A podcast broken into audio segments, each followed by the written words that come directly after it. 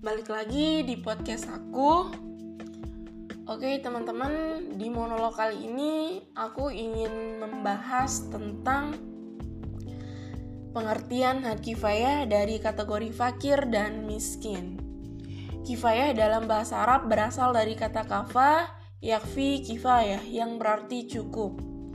Mencukupi suatu hal yang penting atau mencukupi suatu hal keperluan hidup dan tidak perlu bantuan orang lain. Selain itu, kifayah juga berarti tidak berkurang dan tidak berlebih sesuai dengan keperluan.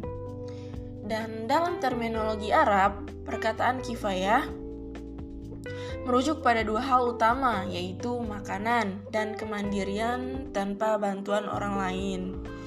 Ditinjau dari sudut istilah, para ulama memiliki pengertian yang berbeda Antara lain, Ibnu Abidin menyatakan bahwa had kifayah adalah batas minimum yang dapat menghindarkan manusia dari kesulitan hidup.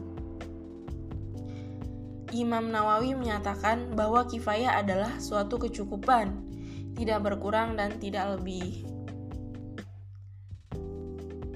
Hal ini juga menandakan bahwa sesuatu disebut kifayah apabila tidak berlebihan dan sesuai dengan kebutuhan. Hmm.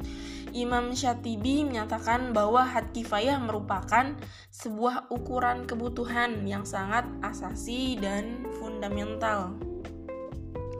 Jadi bukan sekedar kecukupan primer, tapi masuk dalam kategori sekunder yang menjadi tonggak kelancaran hidup manusia.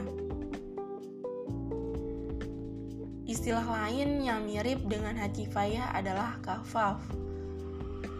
Kedua istilah ini kerap dipakai dalam mengukur standar kelayakan hidup seseorang. Kafaf adalah kadar kebutuhan manusia tanpa kekurangan dan kelebihan.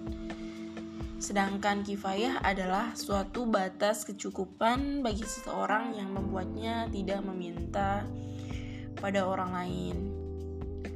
Mungkin itu saja teman-teman yang saya sampaikan, kurang lebihnya mohon dimaafkan.